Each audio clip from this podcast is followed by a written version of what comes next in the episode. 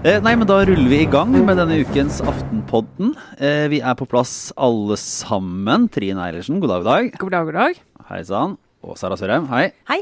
Jeg er Lars Glomnes. Eh, det er av og til så sier man 'for en uke dette har vært'. Vi sier det altfor ofte, egentlig. Ja, Strengt tatt. Men eh, denne gangen er det ordentlig sant, da. Ja, Nå igjen. Ja. Nå Ja. igjen, ja. Så vi skal litt gjennom Arbeiderpartiets påtroppende nestleder. ja. Det kommer til å gå ganske fort. Ja, og så skal vi litt innom eh, den eh, VG-saken som nå preger offentligheten. Mm.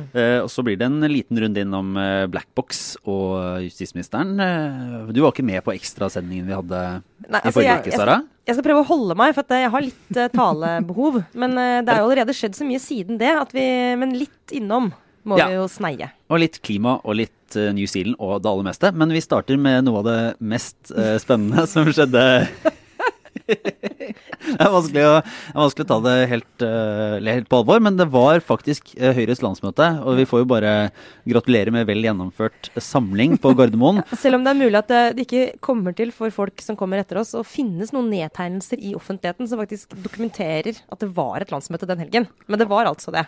Selv sånn- om ingen skrev noe derfra. Hvis et tre faller i skogen, uh, og ingen har sett det, har det skjedd? Altså, var, Har det falt? men Ja. du Trine Eilertsen, uh, flittig og alltid i arbeid. Du var på plass. Jeg var på plass. Jeg var der uh, ja, nesten hele tiden, vil jeg si. Det er jo noe med de der hotellene. Når du først er kommet inn, så kommer du søren ikke ut før du skal dra hjem. Så du må jo bare gå rundt. Men eh, bare for, for en sånn disclaimer med en gang, da. Det er jo ikke det at fordi om ikke vi skriver om et landsmøte, at det ikke er viktig for de som er der. Mange holder sitt første innlegg eh, på et sånt landsmøte. De er nervøse, de har forberedt seg. Og det skjer jo litt politisk der.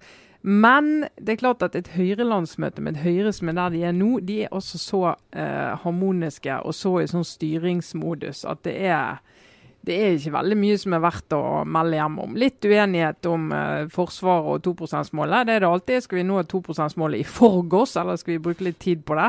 Og litt uenighet om altså Klima er et tema i Høyre. Hvor hardt skal du gå til verks? Ja, det, er veldig forskjell på, på landsmøtene og, og dynamikken, eh, ut fra om det er et, eh, er det et regjeringsparti. eh, ikke minst vi snakka sist om hvorvidt det er et valgår eller ikke. Eh, Ja. Og de faktisk utmeisler praktisk politikk. Det var jo et prinsipprogram som skulle voteres over i Høyre i år, og det er jo litt mer store ord og, og lange linjer. Ikke, kanskje ikke så betent som, eh, som et vanlig, Vanlig politisk program. program som, som sier hva de skal gjøre med i neste fireårsperioden.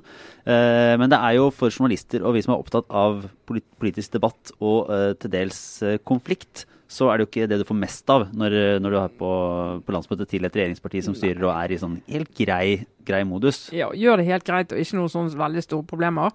Men eh, det var jo én sak, den eh, tredelingen av foreldrepermisjonen. Den ble jo faktisk en litt heftig debatt for, nettopp pga. det prinsipprogrammet. For da er jo også partiledelsen, hold, partiledelsens eller regjeringsdelen av partiets holdning vil alltid være at ting vi har gått inn for i en plattform, det må jo på en måte ikke flagges så veldig høyt at vi har lyst til å endre på.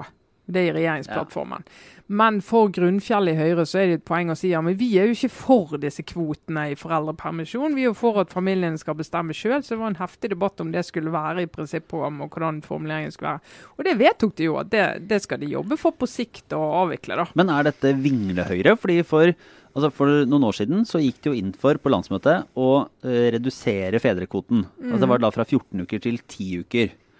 Og så gikk noen år, og så erkjente man vel at ja, eh, norske fedre og foreldre var ikke helt modne for dette, så da går vi med på å tredele igjen igjen. Og øke det. Og nå sier de at ja, men egentlig så vil vi fjerne hele. Ja, på sikt en gang. Og det, og det er nok, De fleste i Høyre, eller mange i Høyre, er nok, er nok litt der. Og så er de, sant, når de går inn for en tredeling, så er jo det regjerings- og stortingshøyre som går inn for det. Det er ikke, det er ikke partiet. Og landsmøtet da har jo ikke gått inn for det, og ingen som har spurt de heller, for øvrig. Men og det er jo, det er jo litt, det er litt poenget med landsmøtet, at de skal bli spurt, da. Men så var det jo eh, oppkjøringen til det landsmøtet handlet jo bare om den eh, Vara-saken og Blackbox-saken. Så det var jo veldig mange av spørsmålene til eh, statsministeren og Erna Solberg som bare handlet om det. Men så har jeg jo en kritikk. Ja. For altså, Jeg har jo skrytt av Høyre før, for de er så flinke å tematisere landsmøtene sine. I sånn, Nå snakker vi om eh, familiepolitikk, nå snakker vi om kommuner, nå snakker vi om næringsutvikling. Og liksom samle det i bolker. og du vet, Lars, du som har vært på landsmøter, du vet at de fleste partier gjør ikke det. Så når du har en sånn politisk debatt, så er det alskens innlegg. Litt om ulv, litt om vei, litt om sykehus, litt om kroppspress. Altså, Så det- tilbake til ulv. Også, Tilbake ja, til ulv mm. etter halvannen time. Kommer igjen, så, altså Det er veldig sånn uoversiktlig. Men Høyre har vært veldig flink og stramme. og De har sånne små dueller på scenen, sånn som de gjør i Debatten i NRK og sånn. Det funker veldig godt. Men det vi fant ut, da. Dette er jo lydpartiet. Det er altså så mye lyd. De har sånn eh, DJ eller sånn lyd og sangerne alle går opp på scenen, som er helt sånn det bare, det bare passer ikke med personlighetene overhodet. Jeg så Kjetil Alstheim i, um, i, i DN delte et bilde fra, fra scenen der hvor jeg tror det var bilde av Erna i tronen fra Game of Thrones. Ja, ja, det var Unge sånne Høyre. ting. Ja, men likevel, Ja, og det, de, det det er sånn, Unge liksom. Høyre gjør jo alltid et eller annet sånn greier. Ja, men så teit. sånn-. Ja, og så med den musikken. Og en ting er jo på liksom landsmøtet at stadig vekk liksom Ole Bollestad kommer opp til den diskolåten, og du tenker hun skal holde hilsningstale, da. Liksom, hva Er det ingen eh, kalibrering mellom Men selvfølgelig, du går jo ut på ville veier når du begynner med det òg.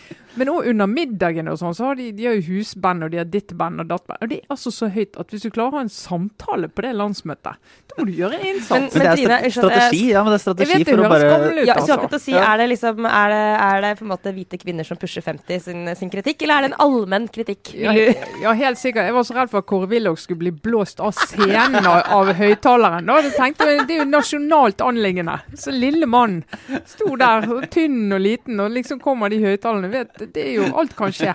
Du ser bassen som bare Ja.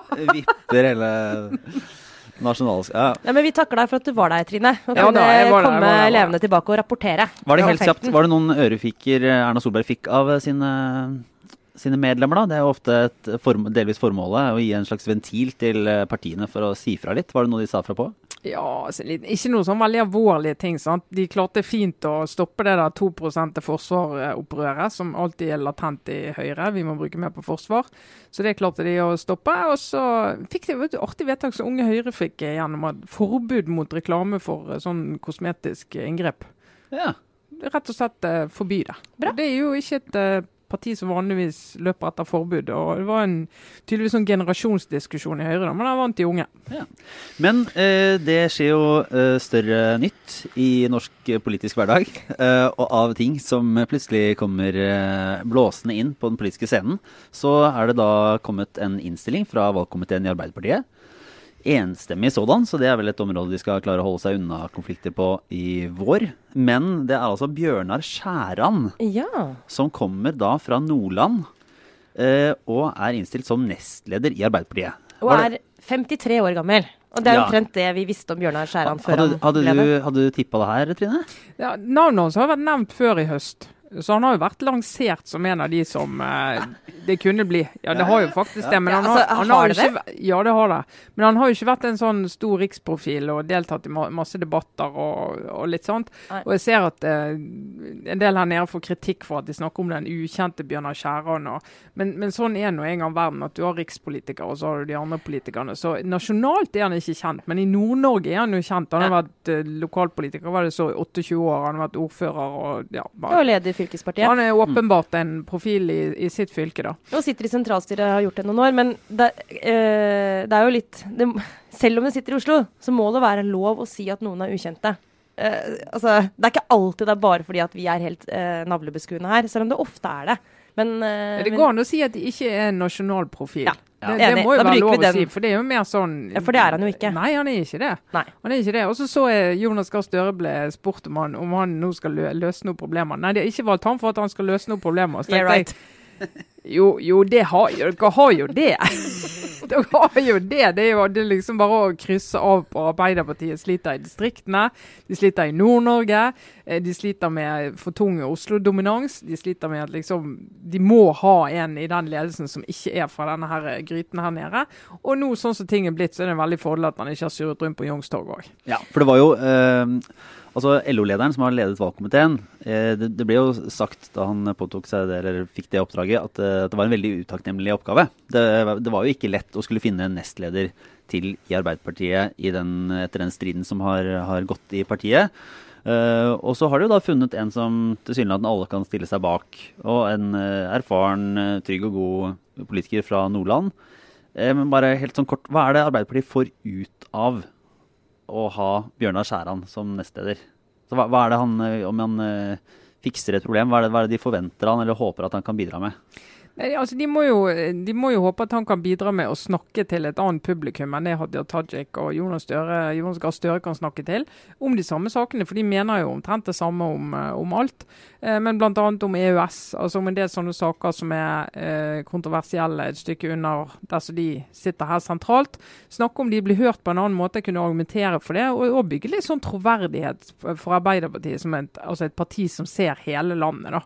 Hvis du ser Nord-Norge, så ser du jo hele landet per mhm. definisjon. Men så er han jo også Han har kombinasjonen av at han representerer eh, andre enn de som sitter i ledelsen i dag. Eh, mm. Samtidig som han er veldig trygg eh, på en del standpunkt som er, er viktig for liksom, makta i Arbeiderpartiet. Da. At han f.eks. er tilhenger av EØS-avtalen. Det ville vært helt umulig for Støre å få en nestleder inn som skulle utfordre på det. Eller det ville ikke vært ønskelig sett fra hans ståsted. da. Mm. Eh, så han, han eh, er nok en, en god løsning fordi han kombinerer Altså, sånn sett, da. At han kombinerer de to posisjonene uten å være, liksom, for å si det veldig forsiktig, ko-ko i en del sentrale spørsmål. jo, altså Bare klistre merkelappene flyr når luften. Ja, ja, ja. Men uh, det er jo også litt uh, tankevekkende at de måtte altså Nå mener jeg ikke å drive med ageism her. Trine. Men at de måtte velge en på 53. Det er ikke noe problem i seg sjøl at han er det, altså. Men det det jo, kommer veldig tydelig frem her at han ikke ble sett på som en framtidig lederkandidat. Og det er liksom synd for uh, partiet at de ikke har flere å ta av i den mellomgenerasjonen. Som kanskje, kanskje ikke kan utvikle seg til å bli leder. Altså, det har vært et tema lenge, det. Men det er, dette beviser jo bare egentlig den påstanden om at det er en generasjon som mangler i Arbeiderpartiet, rett og slett. Ja, det er en snakkes i Arbeiderpartiet, og de kontrasterer seg sjøl mot Høyre, som har jobbet mye mer systematisk med talenter. Det så jeg på landsmøtet nå, og så var det liksom ene etter den andre av de der yngre Høyre-politikerne. Så du tenker ja, du kan sikkert bli noe stort, og du og du og du. sant? De er enormt, har vært enormt flinke med det. Mm.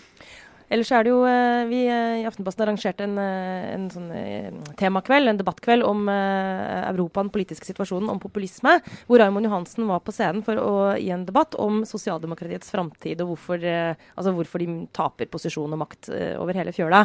Og han var også opptatt av noe av det du var inne på, Trine, at partiet um, pga. dårlig representasjon, da, fordi de blir ansett for å representere bare en liten smal del av befolkningen, ofte eliten, har liksom mista troverdighet når de skal snakke om kompliserte temaer.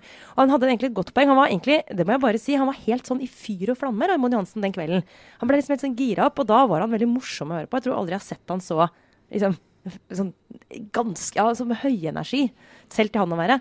Hans poeng, og det kan jo kanskje en sånn type som um, den nye nestlederen nå hjelpe til med, er at fordi vi ble satt i bås som elitistiske, så når vi skal begynne å si noe som ikke er populistisk, begynne å si noe som er nyansert eller komplisert, eller noe som, som er sånn krevende å få frem, så blir det som avfeid som at vi ikke snakker til vanlige folk. Mm. Og det er egentlig en nedvurdering av vanlige folk. Så om ikke folk, velgere, tåler å forholde seg til analyser som ikke er svart-hvitt. Ja. Men jeg tror han traff litt riktig da. Jeg tror, Han har nok rett i at urettferdig eller ikke, det er nok en utfordring for partiet nå. Uh, og det kan Da vil det i alle fall ikke være en ulempe at, at, du får inn folk som representerer helt konkret andre områder, andre folk, andre velgergrupper. Um, så det kan jo hende. Men jeg har jo aldri hørt uh, Skjæran i en debatt. Jeg vet ikke hvordan han det, det, vil jeg anta at det får vi gjort nå, da. Ja. Eh, kanskje, kanskje, han, kanskje, det er han de skal ringe nå frem til valget og svare på de dårlige målingene. Det er jo sånn, vet du, sånn jobb som nestlederne kappes om å slippe å gjøre. liksom parlamentarisk lederne skikkelig. Når det er god måling, da er partilederen ofte på pletten og kan snakke om ja, vi gjør mye riktig. Når det er dårlig måling, så er det skal vi se, nestleder, du kan ikke, nei, parlamentarisk leder, da. Parlamentarisk nestleder, da. og så er det vel til slutt en liten sånn uh, Det er jo en liten finger til trønderne. Ikke sånn sikkert at det er det som er hovedgrunnen, men, uh, men mange av, uh, av, trønderne i Arbeiderpartiet har jo med rette da, påpekt at det er for få fra distriktet som sitter i sentralt i ledelsen. Og så fikk du en fra enda mer distrikt enn en, en Trøndelag. Altså Når du henta en fra Nord-Norge, så er det sånn Da kan ikke de lenger argumentere for det. Som ofte er en fordekt måte å si noen av vårt Noen fra oss må inn. Mm. Sant? Så, men ja, det blir spennende. Men nå er det vel sånn i Arbeiderpartiet som alltid at hvis du er innstilt av valgkomiteen, da får du jobben. Det hadde vært gøy hvis det kom et benkeforslag på den på landsmøtet, men det, men det tror jeg ikke. Er det for mye å håpe på, Trine? Ja, det er for mye å håpe på. Dessverre. Da spørs det om det kommer et benkeforslag på uh, Trond Giske. Som, eh, som jo Det er den drømmen vi bærer på. Som, da, da er kaoset komplett. Men eh, vi skal videre til det som her eh, er saken som har mest sånn eh, traction i, eh, i, I dis- på diskanter i dag, altså torsdag, når vi sitter og, og spiller inn. For nå går, eh, går mye journalister rundt både i Akersgata og andre steder og snakker om eh, den saken TV 2 hadde onsdag kveld om VG-dekningen av denne dansevideoen eh, til Trond Giske. Hvis det er noen som skulle trenge mer eh, kontekst på det, så fins det et par tidligere episoder av Aftenposten som går gjennom deler av dette. Men eh, vi kan jo oppsummere med at VG allerede har vært ute og beklaget dens første saken de hadde. Ja, altså noe så innmari òg. Veldig, veldig tydelige beklagelser i, her tidligere. Uh, men denne saken fra TV 2 går jo dypere inn i dialogen som da skal ha vært mellom denne unge dama som var på, i dansevideoen, og uh, VG og VGs journalist. Bare først si at det er eh, utrolig bra av TV 2. Eh, helt sånn, Vi gjør det nok for sjelden i, i, i bransjen å drive kritisk og undersøkende journalistikk liksom, på hverandre. Det er jo litt krevende for de som mange har vært opptatt av. Med rette så er det tette bånd og folk kjenner hverandre og sånn. Men jeg må bare si at det var veldig sånn godt tenkt av TV 2. Eh, og helt riktig å gå inn i det sakskomplekset og, og begynne å liksom, se ok, hva har egentlig skjedd her. Så det, det må jeg bare skryte av dem for. Og så er det jo en utrolig vanskelig sak å forholde seg til for VG, Ja. selvfølgelig. Og så tegner du et bilde av at denne unge kvinnen uh, mener seg egentlig da dårlig behandla av VG, og VG har beklaget at, uh, at, uh, at hun har denne oppfattelsen. Jeg er litt usikker på hvordan hun formulerte den beklagelsen, for det var å legge seg veldig flat. Men det var hennes opplevelse i møte med VG. har de i hvert fall beklaga. og hun fremstiller det som at VG mer eller mindre publiserte en sak mot bedre vitende Mm. om at hun oppfattet denne dansinga med Trond Giske som, som belastende. Mm. Eh, og Sara, altså, hvor, eh, hvor alvorlig er det for VG, som det ser ut i dag? Altså, sånne saker er litt vanskelig ganger å bedømme når, de, når du står midt oppi, fordi de, de har en sånn tendens til å utvikle seg veldig fort. Men eh, akkurat nå ser det veldig ille ut for VG. Ja. Ikke egentlig bare for VG, men, men for, for mediene, da. Fordi eh, det hjelper egentlig ikke at du, er, at du gjør alt riktig i nesten alle saker, hvis du gjør sånne type grove feil, som det ser ut til å være dette, da. Ehm, så raserer du egentlig altså en sånn feil, og så har du egentlig rasert tilliten Uh, i ganske sånn stor grad. Uh, og i denne saken blir det jo veldig spesielt fordi denne Giske-saken eller hva hun også kaller det for noe, er jo så omstridt i utgangspunktet også. Hvor det er eh, fra begge hold i denne konflikten mange påstander, og har vært mye sånn mediekritikk. Og, og selvfølgelig alle kjenner påstander om at det egentlig er maktkamp. Er det egentlig en metoo-sak? Altså, det er en, en veldig polarisert diskusjon, hvor det er ekstra ille hvis da eh, det viser seg nå da, at VG har gjort én veldig stor feil, så kaster det også alle de andre sakene utfor, i, stupet. Eh, sannsynligvis, eller kanskje helt egentlig med urette.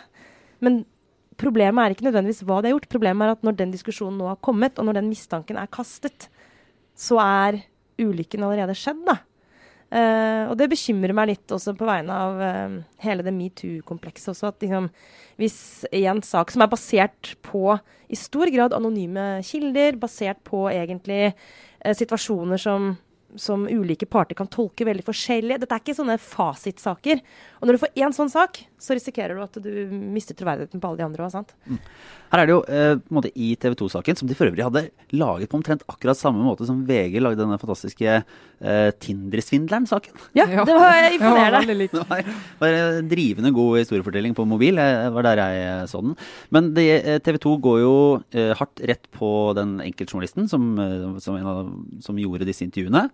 Eh, og så går det jo på redaktør Gard Steiro.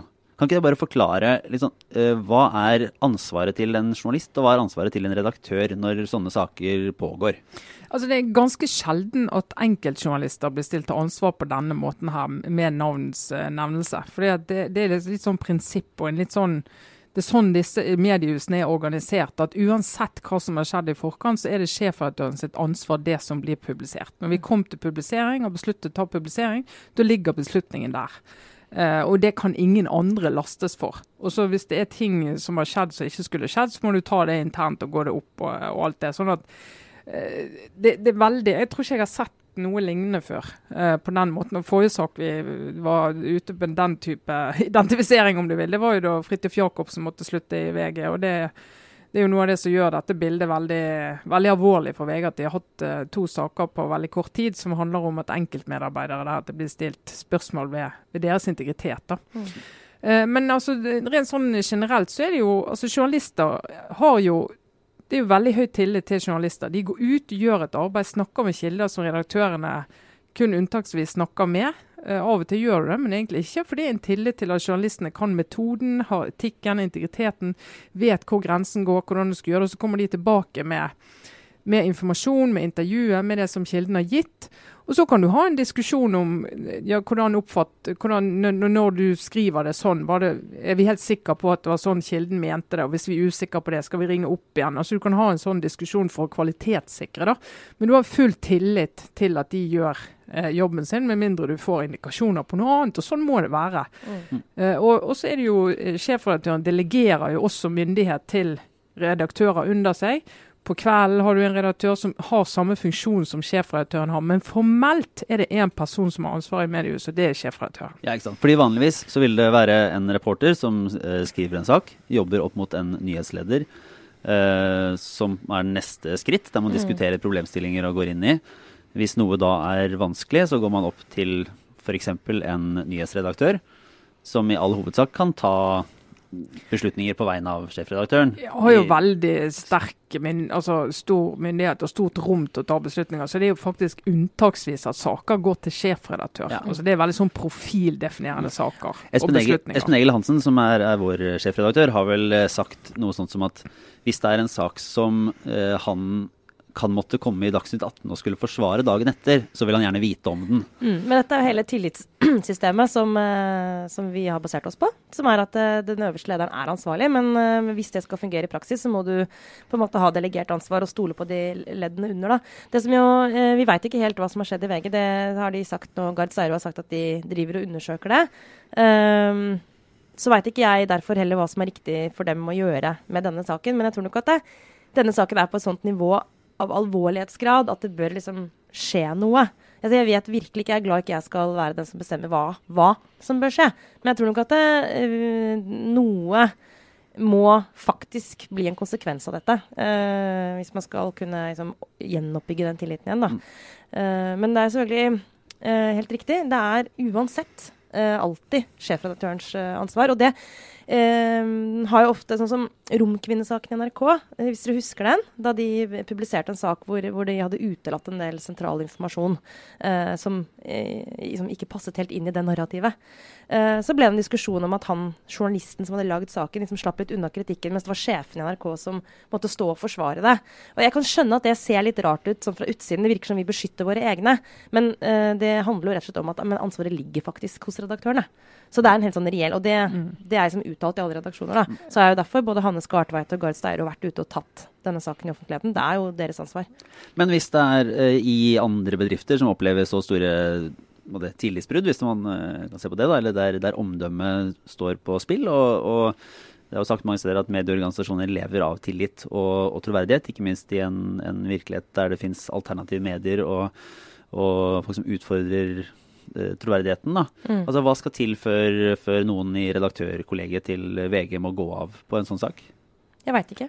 Men øh, jeg antar at de diskuterer alle, alle, muligheter. De må gjøre det. må gå inn i, Men det kan jo være at, øh, at Her er det kanskje litt viktig å bare få liksom, oversikt over hva som har skjedd. Det er ikke sikkert at vi får vite det noen gang i offentligheten. Men øh, jeg tror ikke det For å si det sånn, jeg tror ingen trenger å bekymre seg for at dette her ikke blir tatt alvorlig nok. det er nok veldig få saker som dette. I løpet av også et, sånt, et helt liv som redaktør, så er liksom Vi snakker sånn alvorlighetsgrad sånn om ikke ti av ti, så ni av ti, da. Ja, men, men, vi er jo altså, Jeg må bare ha sånn disclaimer, for jeg har jo meldt meg litt sånn inhabil i diskusjon akkurat om VG, fordi at jeg har en ganske sånn nær relasjon til sjefredaktøren Gard så Jeg skal ikke mene så mye om hva de skal gjøre, men sånn eh, generelt eh, så er det jo, det så vi jo i DN-saken med Butensjøen. Altså når du, hvis du har altså ført redaktøren redaktørene bak lyset hvis du har gjort det.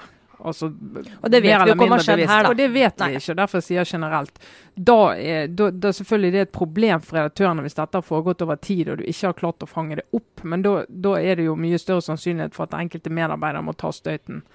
Men hvis det er en del av en vurdering der redaktøren har vært inne og bidratt i vurderingen, så kan du jo ikke legge alt på en enkeltmedarbeider. Eh, På samme måten, for Sånn er jo livet i en redaksjon. Mye av det som kommer frem, kommer frem etter diskusjon. Du har, du har en del informasjon som du vurderer å publisere. Og den beslutningen tas jo aldri av enkeltmedarbeideren alene. sant?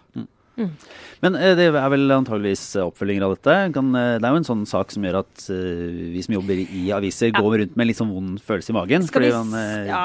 det skjønner at det er, det er ikke noe sånn at vi sitter i Aftenposten og godter, oss, godter oss over at dette skjer i, i VG. For det er jo en eh, Nei, nei, og så rammer de, Det rammer jo tilliten til eh, mediene. Det var en som sa på vår evaluering i dag at det var jo bra at, at saken faktisk ble ettergått av en av de etablerte profesjonelle mediehusene, og ikke fra et eller annet obskurt nettsted.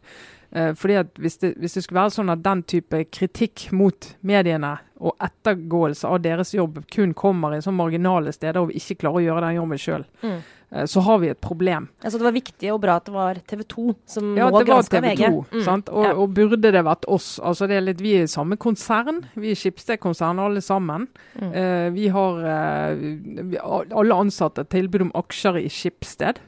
Uh, burde det gjøre at vi er ekstra nøye med å ta ansvar for å ettergå våre søsterbedrifter. Altså for å vise at vi er uavhengige. Altså Det er mange diskusjoner som vi må ha hos oss òg. Jeg tror vi kan slå fast at de første månedene av 2019 har ikke vært en eh, parademarsj for pressen. Det har vi bare godt av, altså. Det har vært mange saker nå hvor vi er, som bransje har kommet i et dårlig lys. Men det sa- får vi bare ta litt på alvor, jeg. traff en VG-ansatt i heisen i dag, en eh, vanlig VG-ansatt som var eh, lei seg. Og så sa jeg men du vet, og så må jeg trøste, da.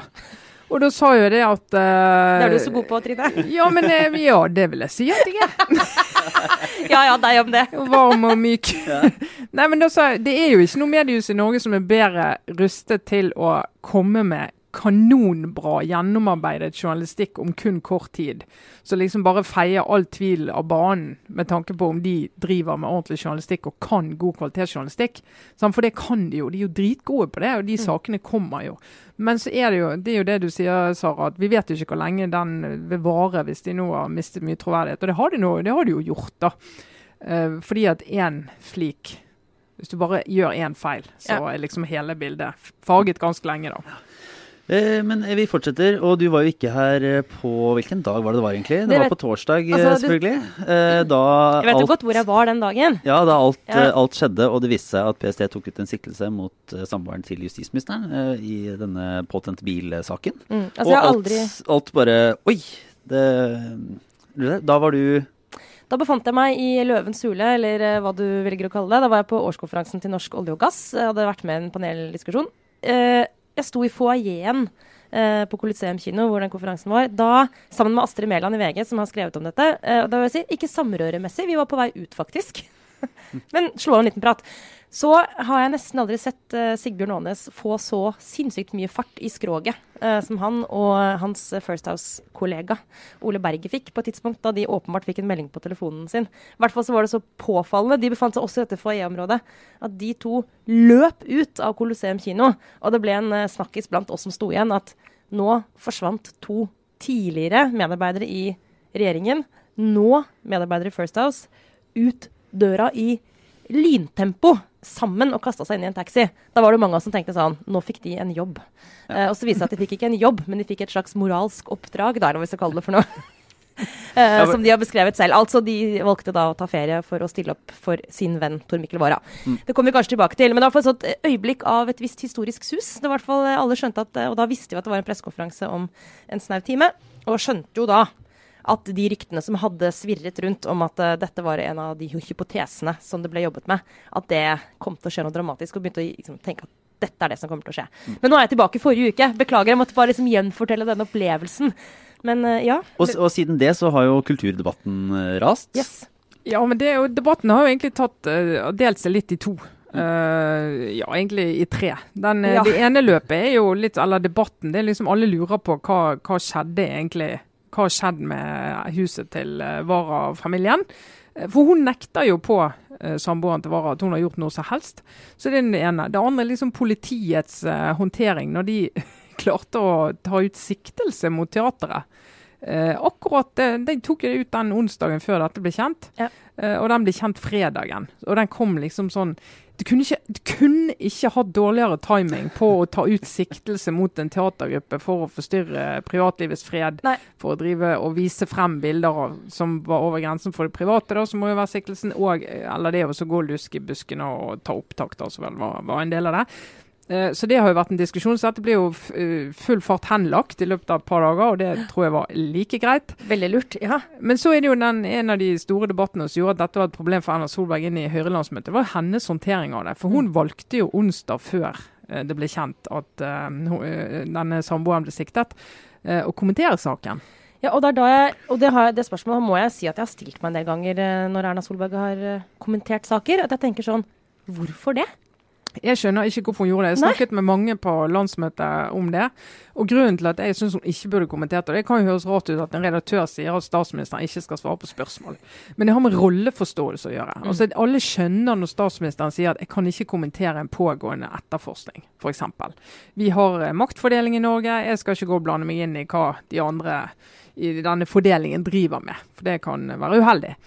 Du kan også som statsminister si at eh, jeg kan ha meninger om eh, virkemidler som brukes i kunsten, om konkrete teaterstykker, om konkrete uttrykk, men de holder jeg for meg sjøl. Det er ikke en debatt jeg skal delta i. Det finnes mange som kan delta i den debatten, jeg trenger ikke gjøre det. Det valgte hun å ikke gjøre, og hun argumenterer med at når de har kommet med et kunstnerisk uttrykk der de eh, bruker filmopptak fra private hjem til politikere, så må de også tåle at det blir debattert. Men det er jo ikke det at ikke de tåler at det blir debattert, og det er ikke der kritikken går. Kritikken handler om at det kommer fra landets mektigste kvinne. Eh, og det, Da er det blitt stilt, og det mener jeg er berettiget spørsmål ved om, om Erna Solberg helt skjønner sin egen rolle i denne ja, saken. Og det er det, det er mye som tyder på at hun ikke gjør. Og jeg snakket med folk på landsmøtet, flere eh, sentrale som syns det var veldig rart. Og sier ja, det er litt, det er litt Erna, det der, å ikke helt skjønne at her av og til må du bare holde kjeft. Og hun sier jo òg ja, men jeg, eh, hvis ikke jeg svarer på spørsmål, så får jeg kjeft for det. Ja, men, men da, det, men, da, men da sier jeg tilbake ja, men da må du tåle å få kjeft for det. Herregud, du er jo statsminister. Man må kunne heve seg over en del uh, ting. Altså, det, det, uh, altså, hun burde skjønne, og hvis ikke hun skjønner det, så bør hun ha folk rundt seg som skjønner det, og som får henne til å som på en måte bare Ja, og- og å hvorfor- ikke si Hvorfor er det et problem? Jeg har jo snakket med folk i, i miljøet. og de, Du har dette begrepet chilling-effekt. Om at når du begynner å få den type signaler fra de mektigste, da, så kan det gjøre at noen legger bånd på uttrykk. Kunstneriske uttrykk. De tenker ah, ikke så gøy. For altså, når den type personer kommer med en sånn kritikk, så kan det utløse at noen tenker at dette skal jeg forsterke. Hun har legitimert at jeg er litt tøff med de. Mm. Når selveste statsministeren sier det. Sånn at Du kan få det, og Noen kan bli engstelige for å drive med uttrykk. Og det andre er jo rett og slett Glemte det. Ja, men, men jeg kan bare fortsette på den. fordi det, Apropos rolleforståelse. For noe annet som blir veldig tydelig for meg i den diskusjonen, er at det Solberg liksom reagerer på der, det hun legger til grunn for sin reaksjon, da, sett utenfra, er eh, familien til Wara sin reaksjon på dette teaterstykket. Ikke sant? Altså, og den reaksjonen var veldig veldig sterk, og det må man jo anerkjenne at eh, samboeren som skrev om dette i VG, reagerte uhyre sterkt på dette teaterstykket. Det trenger ikke å bety at teaterstykket i seg selv er liksom over grensen. Det er noe med å klare å skille mellom det, og så er det veldig mange som ikke har sett dette stykket, fordi altså, De fleste har jo ikke sett det. Det er kanskje- de det er jo- jo ikke sett det. noen hundretalls mennesker som har sett det. Jeg syns flere burde ha litt respekt for det når de har uttalt seg skråsikkert om dette stykket. At eh, liksom, Gå til kilden, det er en god regel. Eh, Erna Solberg har ikke sett det. Eh, og jeg syns også i den pressekonferansen eh, etter at det var klart at siktelsen mot samboeren var tatt ut, at både hun og Siv Jensen burde holde seg for god for å altså, De snakker om Tor Mikkel. Jeg skjønner at det er sterkt for dem emosjonelt. At det er selvfølgelig en venn. Særlig av Siv Jensen. Hatt et nært forhold til Vara i årevis. Nå er de kollegaer. Men sorry. Du er statsminister og finansminister, og det er en statsråd som har tatt ut permisjon. Det er ikke Tor Mikkel, det er Tor Mikkel Wara. Og det er et eller annet med å være profesjonell her i kommunikasjonen. Ha rolleforståelsen, skjønne at som statsminister så, så jeg er helt innforstått med at dette er svært krevende for familien. Men det er Det liksom er ikke alle hoved... sånne saker. Uansett om man er skyldig eller ikke, så er alle saker krevende for familien. Men alle saker er på et eller annet nivå personlig tragedie, som òg er et ord du ikke skal bruke i denne sammenhengen. For det er ikke relevant. Det er faktisk ikke relevant. Og det går an å stå som en i rolle og si at jeg har sterk medfølelse med han gjelder. Men som du sier, det du begynner med sånn fornavn og litt sånn omtrent vår nære venn, det har skjedd noe tragisk i familien, så punkterer du litt debatten om hva dette egentlig kan handle om. Mm. Det, det, det, vet jo vi ikke, men du må liksom fortsette med det. da. Og Det blir intimisering av en stor, stor skandale. Så eh, går vi videre til uh, denne ukens obligatoriske refleksjon. Det er så mange saker nå, Lars. Vi kunne snakka hele tiden ja, ja, ja, om dette. Vi må virkelig slite oss løs. Ja, det er greit. Og det er eh, OR. mange ting. Uh, Sara, du har jo stort sett bare løpt rundt fra konferanse til konferanse og uh, ordstyrt og gjort alt mulig rart. Living la vida konferanselife. Nå har jeg faen meg hatt så mange konferanser at uh, nå er jeg ferdig med det for en stund. Men ja, og en av dem var jo Jeg tror jeg nevnte det tidligere nå i sendinga. men Aftenpostens utenrikskveld. Jo, der hvor Raymond Johansen var og snakket mm. veldig energisk. Der gjorde jeg et sceneintervju som jeg har tenkt mye over i etterkant. Det tror jeg er det vanskeligste intervjuet jeg har gjort noen gang. Og det gikk ikke kjempebra heller, selvfølgelig. Eller ofte gjør det ikke det når ting er vanskelig. um, det er kjempevanskelig, og en lang grunn sier ikke helt topp. Og jeg, og jeg, har tenkt på det hver dag. Jeg våknet i natt faktisk og tenkte på det. Det er et tegn. Nei, men Jeg skal ikke dra dere gjennom eh, alle de 20 minuttene. Men poenget er at jeg intervjuet uh, en eh, av lederne i Sverigedemokraterna. Mathias Karlsson. Han blir ofte omtalt som sjefsideologen ideologen i, i, SD. Det vil han ikke helt uh, ha sjøl som merkelapp. Men han er veldig tett på Jimmy Åkesson og har vært premissleverandøren for prinsipprogrammet og alle sånne ideologidiskusjoner i partiet de siste ti åra. Uh, og leder også partiet i Riksdagen. Så han er liksom supersentral. Han var invitert til uh, debatt for å snakke om uh, altså Utgangspunktet var populisme og protestpartier i Europa. Snakke om, om, om Sverigedemokraterna. Og min, jeg skulle intervjue han da, og min holdning var jo i utgangspunktet veldig klar og tydelig. det var at nå skal vi snakke med han, ikke om hans parti, men snakke med han. Og fikk han opp på scenen og stilte spørsmål. Fikk han til å liksom, brette seg ut og snakke om Sverigedemokraternes politikk. For du tenkte, Når man skal gjøre sånne intervjuer, så er det én strategi, som er å utfordre, utfordre, utfordre. Hele sånn, tiden gå i kritikk. Ja, sånn eller, Fredrik ja. Skavlan med, med, Jimmy Åkesson ja. var jo en, uh, var et kjent eksempel på det. Ja. Andre er måtte åpne opp, og så eventuelt, eh, hvis man skal si sånn, la folk henge seg selv, da. Altså det ja. mm. vise, fram, vise fram det de show, don't tell, på en måte. Ja, og jeg mener at det generelt i dekningen av Sverigedemokraterna, særlig i Sverige, men også i Norge egentlig, har vært et kjempeproblem hele veien at man har gjort den Skavlan-vrien. Uh, og liksom hele tiden skulle markere avstand og være liksom i, i, en sånn Hele tiden på en måte prøve å arrestere dem, da. Og så fikk du se hvor lett det er. Fader, ja, altså, ikke sant? Så jeg tenkte nå skal jeg være lyttende og stille åpne spørsmål. Så det var det liksom to tredjedeler ute i intervjuet. Så begynte jeg å merke. Han der er jo innmari flink. Eh, sjarmerende. Eh, åpenbart gikk veldig fort rundt i hodet hans. Um, så, altså, sorry, altså, jeg hører bare det si det. Selvfølgelig gjør det. Han sitter i ledelsen i et parti, det er ikke idioter. Men dere vet, Sverigedemokraterna, jeg sliter med å forholde meg til dem. Fordi uh, han satt på scenen og sa ting som jo ga veldig mening, da. Uh, og på et eller annet tidspunkt der så kjente jeg faktisk på at jeg syntes han var så god at jeg lurte på om jeg var helt idiot som bare var et mikrofonstativ. Så da prøvde jeg liksom å begynne å gi motstand. Men det er et eller annet med å skifte metodikk underveis. Som bare avslørte nettopp Sånn sett så fikk jo publikum egentlig se da, hvordan vi journalister sliter med å forholde oss til ja. dette partiet. For da tror jeg endte opp med å si rett ut på scenen at nå veit jeg ikke Dette her har jeg liksom aldri hørt en politiker si. Det som var tematikken, det som gjorde at jeg ble så stressa, det var at han snakket om jeg spurte han kan man være svensk og muslim samtidig. Og da sier han nei. Og så redegjør han for det. Og så, så sier han at han modererer seg. Han sier du kan ikke være radikal, du kan ikke være islamist og svensk. Du må faktisk velge. Vi har noen verdier i dette samfunnet som du faktisk må forholde deg til. Eh, Bl.a. likestilling. Hvis du mener at kvinnens plass er i hjemmet, og at mannen skal eh, herske over kvinnen, ja, da har du ikke en plass i Sverige. Og så tenker jeg ja, men det er jo egentlig et godt poeng. For det, det, er en verdi i vårt samfunn. Men skjønner dere, det er den der, å høre en politiker si på en måte at svenskhet eller nasjonal tilhørighet er noe de bestemmer hva er. Det var da jeg begynte å kjenne på at det ble ubehagelig å ikke gi motstand på det. Men altså, det der å løse sånn halvveis med å plutselig sånn, ut i intervjuet bli sånn Ja, men, ja, men, ja, men, ja, men. Så dette er egentlig en disclaimer. Ja, men du kan jo ikke mene det! Nei, men hva syns dere, da? Altså, skal, altså, hva ville du gjort, Trine? Nei, jeg har ikke sett uh, intervjuet. Nei, men generelt, jeg har altså, kun hørt om det. I møte med politiske holdninger som du personlig kjenner at du liksom, opplever at det er liksom, problematiske? Nei, nei altså, det er, jo, det er, jo, alltid veldig lett å sitte etterpå og si 'jeg ville gjort sånn', 'jeg ville gjort sånn'. Men det er, jo, det er jo litt å finne frem med de der inkonsistensene i en del av det der. Altså, ja, for det finnes jo faktisk en god del kristne miljøer som er akkurat det samme. Er de heller ikke svenske? Nei, ikke sant? Altså, sånn, så du må liksom gå litt etter uh, hvor det ikke henger helt sammen, hvis du skal være helt prinsipiell, da. Ja. ja, ja, det er egentlig altså, uh, lærdom av det er jo at Sverigedemokraterna, som alle andre partier, består av folk som er flinke. Du skal ikke undervurdere altså, man, uh, jeg, jeg, tror det er riktig, da. Jeg er egentlig helt overbevist om det. Det er riktig å ta de på alvor. Å ta politikere på alvor betyr faktisk å stille spørsmål og be personen forklare hva han eller hun mener om noe. Ja, men, det er jo helt vesentlig å skjønne ja. hvordan de resonnerer og hvor de kommer fra.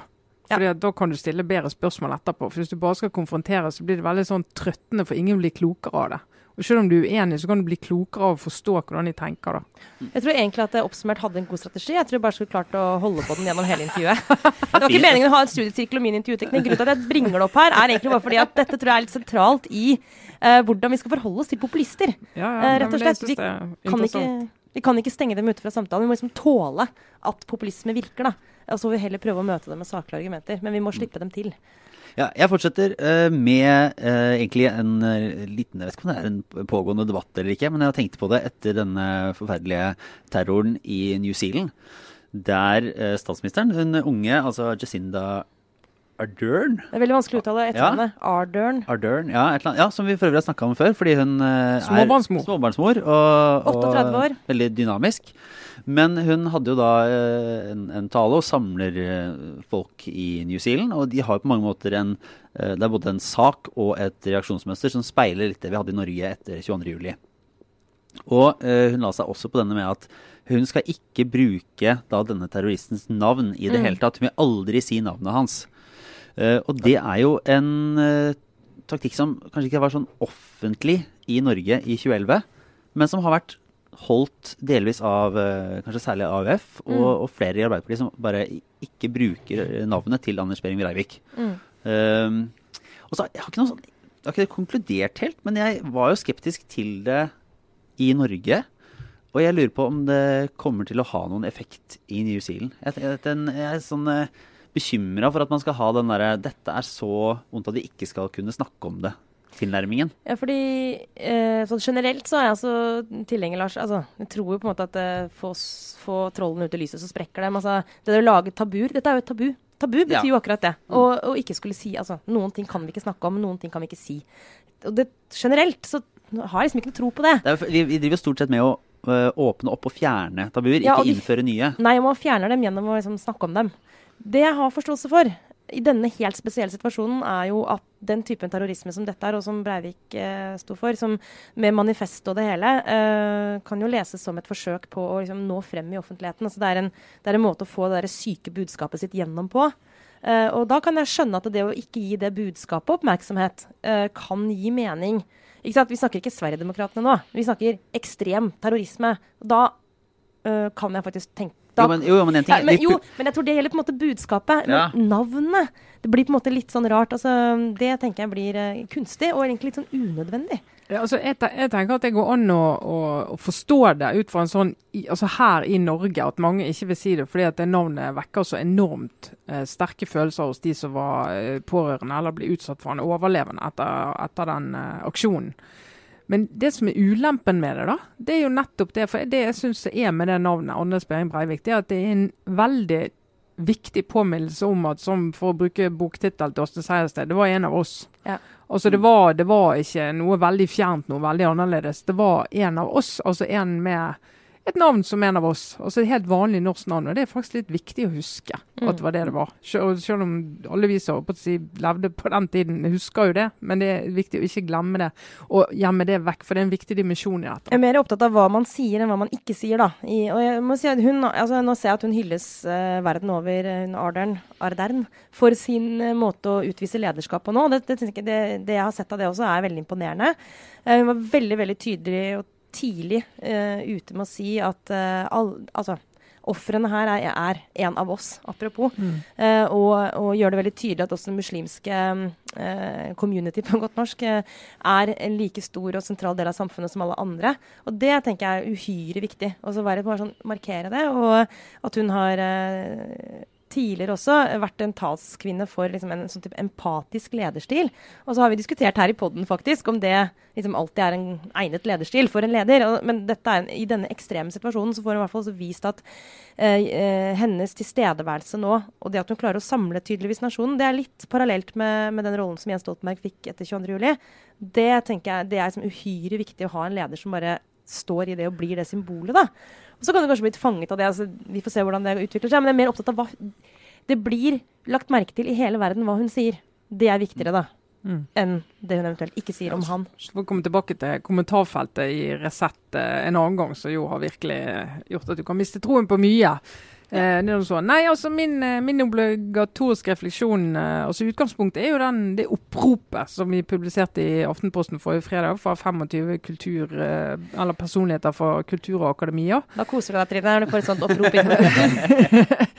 ja, da, koser jeg meg. Eh, og så er jeg spent på hva bruker disse innflytelsesrike stemmene makten sin til, når de slår seg sammen? De bruker energi på å liksom bli enige om at dette skal vi 25 Eh, sentrale personer eh, signere på. Eh, og De gjør det for å vise støtte til skolestreiken, som den klimastreiken som mange skoleelever i hele vestlige verden driver med for tiden. Helt greit. For å si at vi skal må få opp farten. Det gjøres overhodet ikke nok, og vi krever at våre politikere gjør mer. Helt greit. Og så har de, men dette har jo Torbjørn Røe Isaksen og Nils August Andresen i Minerva, og vi på lederplass også liksom kritisert et par av de løsningen de litt sånn lefler med. At du skal ha et eget råd med spesielt kompetente folk som skal på en måte sørge for at politikerne følger opp og gjør de riktige vedtakene, som det, det sånn, står. Eliten vil alltid ønske seg et sånt råd med litt sånn overnasjonal myndighet som bare kan ja. bestemme over de dumme politikerne. Det er liksom go to. Uh, ja, det, så, så jeg, jeg tror det er ikke så vanskelig å gjette seg til hva jeg tenker om det. Men, så jeg skal ikke bruke veldig mye tid på det. Men det, det som jeg syns er Bare for å ta det viktigste først. Ja, eh, som vi sier til barna, det er fint dere engasjerer dere. Kjempefint. men for å ta Det var veldig arrogant, det vet det, men det går ikke an å la være å si det. Eh, men det andre er at denne måten å, å diskutere politikk på, da hvor du skal mm. liksom si det. For det de slår fast, er at liksom politikerne holder på med ting som er på tvers av folkeviljen, sier de. Og Det sier de altså om en regjering som kommer ut av et storting som er valgt av folk i Norge. Jeg har ennå ikke hørt at vi liksom ikke har et storting som vi mener i det store hele er representativt for innbyggerne i Norge og velgerne i Norge. De, de handler på tvers av denne viljen. Eh, så vi er nødt til å, å, gripe inn og få liksom noe annet til å skje. Der og dette rådet. Så har de nyansert og sagt at det ikke Men, men det de sier til velgerne, det er at alle de som er uenige med de, mm. de må overstyres de må overstyres. Det nytter ikke, Vi kan ikke ha en debatt. Vi må liksom bare gå inn og sørge for at vi gjør de rette tiltakene. Jo, men nå, Trine, du drar jo dette her veldig bra prinsipielt. Det er helt umulig å ikke være enig med deg i det. Men eh, nå bare, bare for. Ja. Eh, miljøsaker, altså klimaspørsmålet, er vel kanskje Hvis det er ett sted Sorry, altså, men det har vist seg at det, det ellers ganske bra systemet vårt det fungerer jo ikke, Trine. Det politikerne, altså, med, de der, med to år til, til, neste valg, fire år til neste valg, stortingsvalg, så blir de for kortsiktige. Eh, fordi de grepene vi må gjøre nå for å liksom, redde klimaet, kommer til å være så upopulære at du kommer ikke til å kunne liksom, gå inn i en valgkamp og være sikker på å bli gjenvalgt. Det er man aldri. Men skjønner du hvor jeg vil? Altså, ja, og, og, og dermed er løsningen å Nei, jeg sier bare at jeg har forståelse for at man bare desperat prøver å gripe til et eller annet annet som gjør at ja, man Ja, men frustrasjon tror jeg mange kan dele. Ja, det tror jeg mange kan dele, Men det er løsningen. Hva er det på det? Altså, for det er litt, Nei, jeg ser den, men... Og det er nå det ene. Det andre er at de liksom slår fast at alle som ikke er enige For det, det denne kronikken egentlig handler om, det er jo avvikling av oljeindustrien. Det er jo egentlig det det handler om. Du for, hvis du er for det, så, så, vil du klimaet vel. Og hvis du er mot det, så vil du ikke klimaet vel. Den problemstillingen har jo overtatt for uh, LoVC, altså Lofoten, Vesterålen, uh, Senja. For noen år siden så var det sånn er du for vern, så er du for klima. Er du for konsekvensutredning, så vil du ødelegge klimaet. Altså, sånn, altså, litt ekstremt skissert, men det, det, er blitt den. Men problemet med, med, at de skriver det, og her sitter det folk som har mye kunnskap, altså Helge Drange på Universitetet i Bergen, som jeg har stor respekt for, klimaforsker, og, og gir inntrykk av at ingenting skjer. At politikerne gjør ingenting verken i Norge og andre steder. Og det skriver de uken før at Ola Elvestuen sender forslag til en klimaavtale med EU, så innebærer da kan du snakke om at du får et overordnet råd, så innebærer at EU gjennom ESA skal følge med på om vi følger opp våre klimaforpliktelser, om, altså om å kutte 20, 40% innen 2030, og kunne sanksjonere det. Si nei, Norge, dere har ikke levert på transport, dere har ikke levert på landbruk. Dere har ikke gjort det dere lovet. Det blir sanksjoner eh, på det, altså reaksjoner på det. Og får faktisk et litt sånn overordnet råd da, som skal gå inn og si klarer dere å levere på det dere må det? levere. Ja, det er jeg for. Det er for, for det er sånn EU-samarbeid. Men når så sentrale folk gir inntrykk av at ingenting av dette skjer, at politikerne ikke gjør noen ting, det mener jeg å skape, skape eh, forakt for valgte politikere, skaper forakt for de som jobber med dette hver dag. Og da mener jeg Det finnes ingen klimapolitikere eller miljøpolitikere på Stortinget, og nesten ingen politikere heller, med noen få unntak, som ikke er opptatt av denne saken. Så kan du si de er ikke nok opptatt, og de er ikke villige til å betale prisen og sånn. Men at de jobber med det, og sier at de ikke gjør det, det skaper forakt, og det skaper polarisering. Og det er en sånn Jeg syns det er en farlig måte å argumentere på. Og da eh, det bare, vi, treng, vi, hadde jo egentlig lina opp som en sånn backup i dag, og, og Trine og jeg skulle diskutere den Dagens Næringsliv-sak om, eh, om, eh, statsråd Ulstein, som skrev innlegg om, eh, om å vente med sex eh, til ekteskapet. Eh, for der var ikke vi enige, men den tror jeg vi den, den. Nå er jeg veldig spent på hvem av dere som er for å vente med sex til ekteskapet, men det skal dere slippe å svare på. Det er ingen her som er gift, så dette er jo ja, men, men, det er bare jeg som har barn. Det er sant. så den, uh, den, får vi se på. Men uh, kjapt, uh, helt til slutt, så, så det, For det kommer til å være en, en stor, stor markering på fredag. denne Skolestreik. skolestreiken. Ja. Vi må du, må på en måte ta det inn i bildet. Det er en av de største markeringene vi, vi, kommer til å se politisk i Norge ja. i 2019, hvis ikke det dukker opp noe ja, dette plutselig. Dette kan få samme kraft som metoo kan få. Mm. Men Også en stor ja, endring. Men er det noen uh, hva, hva, er eh, den politiske veien videre ut av dette, da? For at, ikke, for, at, uh, for at, disse unge ikke skal oppleve at de streiker og tar grep og, og bekymrer seg og krever endring, og så skjer det ikke noe, er det da man skal peke på dette ESAs overnasjonale tilbakemeldings- og sånn, reguleringsregime? Sånn, ta det med ro, alle barn. Eh, nå kommer snart tante ESA eh, for å redde dere. Jeg vet ikke om det kommer til å slå så veldig godt an. Men, ja, det verste, eh, plutselig har du en situasjon der ESA faktisk kommer og sier at det her er bare ikke godt nok i det hele tatt. Det kan godt skje. Nei, altså For det første, eh, jeg og vi skriver leder om det til i morgen. Eh, vi, synes, vi støtter denne streiken, for dette her er en markering for folk som ikke har stemmerett. En måte for de å vise og løfte frem en sak som er ekstremt viktig for de å kunne si til dagens politikere at det dere gjør, og ikke minst ikke gjør i dag, får konsekvenser for oss. Så jeg er helt for det. Men så er det klart at det å ta med det engasjementet inn i partiene, for det er jo litt tendens til sånn klappe på hodet og gud så gøy at dere engasjerer dere, og gøyale paroler, og det er veldig sånn Altså Kjernen i dette er jo ekstremt reell og ekstremt viktig. Så hvis noen av partiene greier å la være å referere til eller bare latterliggjøre det, så tror jeg det på ikke veldig lang sikt. For mange av disse har stemmerett om to år, om tre år, om fire år.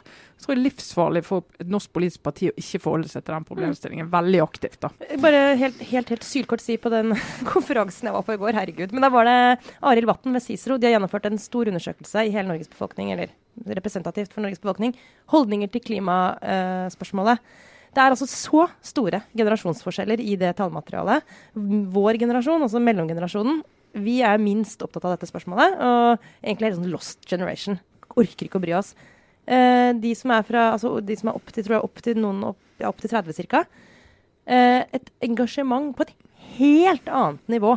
Virkelig helt annet nivå. Og det kommer jo til å slå inn i valg etter hvert. Så det, det, er ikke, man skal ikke bare som Trine er på, kimse av at dette er liksom søte små barn som har tegnet fine paroler. Dette er jo da folk som, um, skal jeg tro på den undersøkelsen, kommer til å ha klima som sak nummer én uh, i alle valg fremover. Så det kan jo etter hvert få faktisk en reell betydning, og det er jo bra. Og så får vi liksom gå litt i oss sjøl, kanskje, vi på 40, og tenke oi. Men ja. Aldri for sent. Nei. Men du lot jo være å kjøpe det nye skjørtet, eller du kjøpte et annet nytt skjørt? Jeg kjøpte det bare i en annen farge. Og så kjøpte jeg det samme etterpå, så jeg ikke rukket å gå til skredderen med det gamle. Så ja. For en hykler! Eksempler på alt som er galt. Jeg har sagt i poden en gang for mange år siden at jeg kaster batterier i søpla.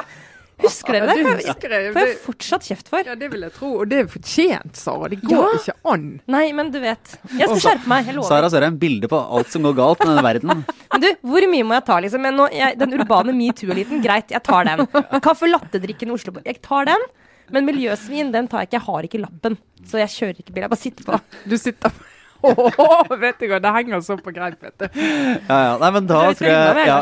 Da uh, sier vi takk for oss for denne uka. Er tilbake neste. Det var Trine Eilertsen, Sara Sørheim, Lars Glomnes. Ha det bra.